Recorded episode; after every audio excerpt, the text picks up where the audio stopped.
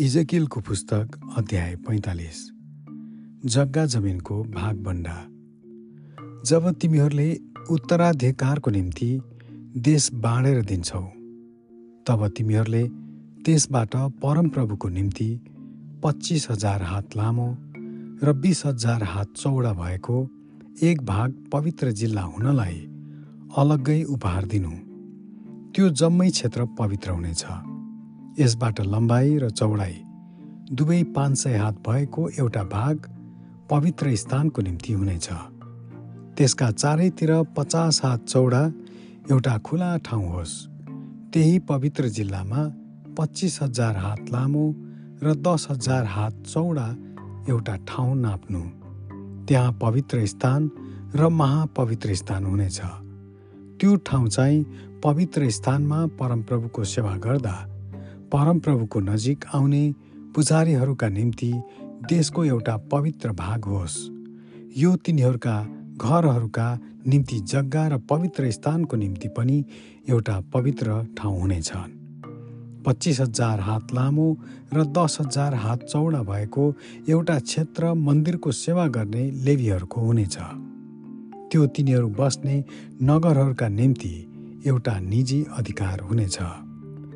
तिनीहरूले पाँच हजार हात चौडा र पच्चिस हजार हात लामो भएको र पवित्र भागको छेउमा भएको एउटा क्षेत्र सहरलाई त्यसको जग्गा जमिनको रूपमा दिनु। यो चाहिँ इजरायलको सारा घरानाको निम्ति हुनेछ। पवित्र जिल्ला र सहरको जग्गा जमिनका हरेक किनारको जमिन चाहिँ राजकुमारको हुनेछ। त्यो पश्चिमपट्टिबाट पश्चिमतिरै र पूर्वपट्टिबाट पूर्वतिरै फैलेको हुनेछ। कुल कुलका भागहरूमध्ये एउटाको समानान्तर भएर पश्चिम सिमानादेखि पूर्व सिमानासम्म फैलिएर गएको तिनको भाग हुनेछ। यो जग्गा चाहिँ इजरायलमा तिनको बिजी निजी अधिकार हुनेछ। अनि मेरा राजकुमारहरूले मेरो प्रजालाई फेरि कहिल्यै अत्याचार गर्ने छैनन्। तर तिनीहरूले इजरायलका घरानालाई तिनीहरूका कुल कुल अनुसार जग्गा जमिन अधिकार गर्नलाई अनुमति दिनेछन्। परमप्रभु परमेश्वर यसो भन्नुहुन्छ हे इजरायलका राजकुमार हो बस। तिमीहरूले अति नै गर्यो। तिमीहरूका उपद्र र अत्याचार त्यागिदियो। र जो न्यायसङ्गत र ठिक छ त्यही गर। आफ्नो अधिकारको ठाउँबाट मेरो प्रजालाई निष्कासन गर्न छोडिदियो। परमप्रभु परमेश्वर भन्नुहुन्छ। तिमीहरूले ठिक ठिक तौलका ढक र तराजु प्रयोग गर्नुपर्छ। तिमीहरूका एपा र बात पनि ठिक ठिक नापका हुन्। एपा र बातका नाप एक समान होस्। अर्थात् होमेरको दशांश भाग। दुवैको लागि होमेर चाहिँ सैद्धान्तिक नाप होस्।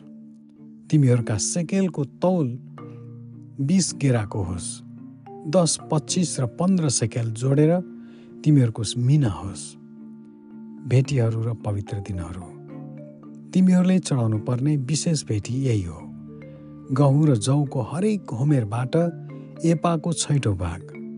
तेलको निम्ति तोकिएको हिस्सा चाहिँ हरेक कोरबाट बातको दसौँ भाग हो। एक कोरमा दस बात अर्थात् एक होमेर हुन्छ।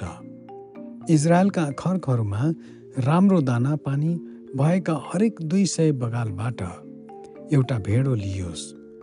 मानिसहरूका लागि प्राश्चित गर्नलाई अन्न बलि होम बलि र मेल बलिको निम्ति यी प्रयोग गरौँ। परमप्रभु परमेश्वर भन्नुहुन्छ इजरायलमा राजकुमारहरूले प्रयोग गरिने विशेष उपहारमा देशका सबै मानिसहरूले भाग लिनेछन्। विभिन्न चाडहरू औँसीका चाडहरू सभा दिनहरू अर्थात् इजरायलका घरानाका सबै तोकिएका चाडहरूमा चढाउनलाई होम बलि अन्न बलि र अर्धबलि जुटाइदिने कर्तव्य राजकुमारको नै हुनेछ।